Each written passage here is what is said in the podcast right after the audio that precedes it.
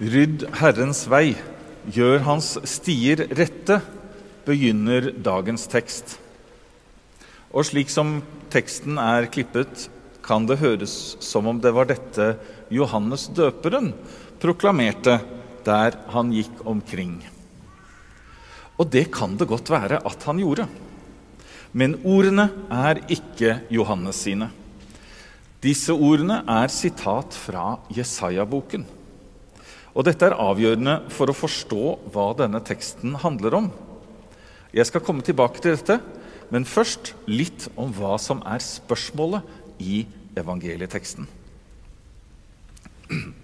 Jesus var ikke alene om å bli oppfattet som en omvandrende profet. Det var flere som vandret mellom landsbyene og forkynte omvendelse til et nytt og bedre liv. Ja, slik er det i dag også.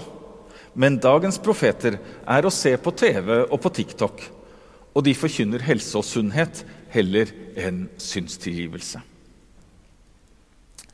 En av de mest populære tiktokerne på Jesu tid var altså en som het Johannes.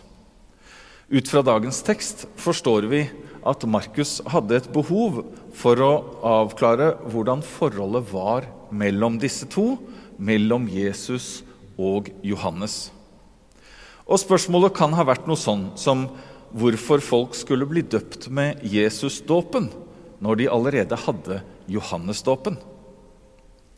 Dette spørsmålet er ikke så viktig for oss. Vi vet at Jesus har om lag en milliard følgere, mens Johannes døperen sannsynligvis ikke har noen konto på Facebook engang. Men det vet jeg ikke. Jeg har ikke sjekket. Når Markus skal forklare oss forskjellen på disse to tiktokerne fra antikken, så er det ikke antallet følgere som er argumentet hans. Markus kan fortelle at det er vesensforskjeller i selve dåpen. Det er snakk om to forskjellige dåper. En med vann og en med ånd. Og så presiserer Markus at Johannes og Jesus var enige om rekkefølge og hierarki. Johannesdåpen var en forgjenger for Jesusdåpen. Når vi i dag døper med både vann og ånd, så innebærer dette at vi på en måte døper med både Johannesdåp og Jesusdåp. Kanskje er dette et uttrykk for at vi ikke lar oss blende av antallet følgere, men at det er innhold og substans som teller mer. Vi trenger omvendelse og ny begynnelse, men vi trenger også denne dåpen med ånd. Men hva er denne dåpen med ånd? Rydd vei for Herrens komme, for frelsen fra vår Gud, sang vi som svarvers til evangelielesningen.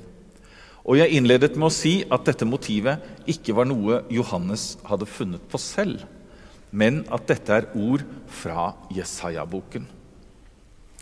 Frelsen fra vår Gud, det er dette dåpen med ånd handler om. Nå er det slik at frelse rimer på helse, så det er fristende å lage morsomheter av likheter og forskjeller mellom dagens og antikkens influensere. Men likheten er ikke bare overfladisk, selv om akkurat rimet vel må sies å være en fonetisk tilfeldighet. Både helse og frelse handler om grunnleggende behov, om sunnhet og frihet, eller om krefter og livsglede. Og om muligheten til å utfolde seg og å være seg selv. Men hva har dette med veibygging og stirydding å gjøre? Og Her er forbindelsen indirekte, og den finner vi ikke i evangelieteksten, men vi finner den altså i Jesaja-boken. Dåpen med ånd er altså ikke bare en helsens dåp, det er en frelsens dåp. Egentlig burde vi jo ha lest denne teksten fra Jesaja-boken i stedet for fortellingen om Moses som blir reddet ved å bli trukket opp av vannet av en prinsesse. Men på den annen side, vi kan ikke lese den samme, samme teksten hver søndag. Og Jesaja-teksten, det er Jesaja kapittel 40, denne teksten brukes allerede i advent- og juletiden, så kanskje noen har hørt den lest da. Og vi leste den her i kirken på Eller dere, jeg var ikke her, men den, på den tredje søndag i advent, altså for fire uker siden. Her kobler Jesaja denne veibyggingen og stiryddingen til det at Gud skal komme. Derfor passer den i adventstiden, men den har et budskap som gjelder hele året. Jesaja kobler nemlig Guds nærvær, altså det at Gud kommer til oss, sammen med begrepet trøst. Dåpen med ånd, det er trøst. Skal vi snakke om et grunnleggende behov for helse og frelse i dag, skal vi snakke om det evige liv og himmelriket, da må vi også snakke om det som er veien dit. Guds nærvær er trøst. Denne erkjennelsen gir ikke svar på alle de spørsmål vi mennesker har. Og den løser ikke alle de problemene vi har, men den gir oss en pekepinn på hva som er det guddommelige nærværet i vår tid og i vår verden. Guds nærvær er trøst. Jesus ble døpt i Jordanelva.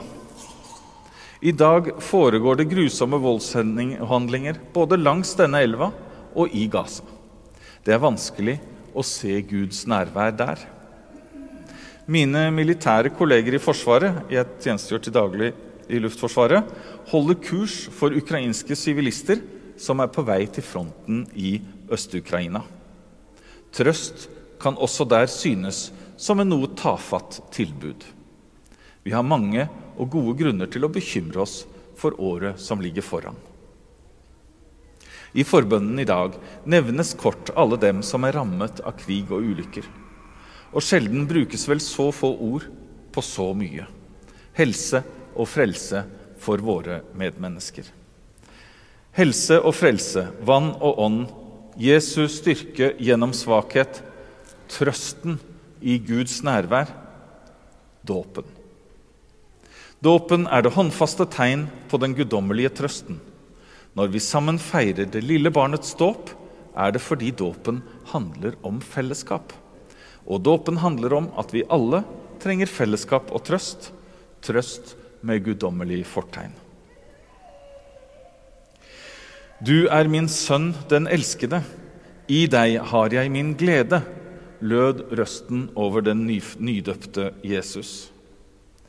La oss be om at denne fortrøstning, dette guddommelige og trøstende nærvær, må styrkes i våre liv og i verden.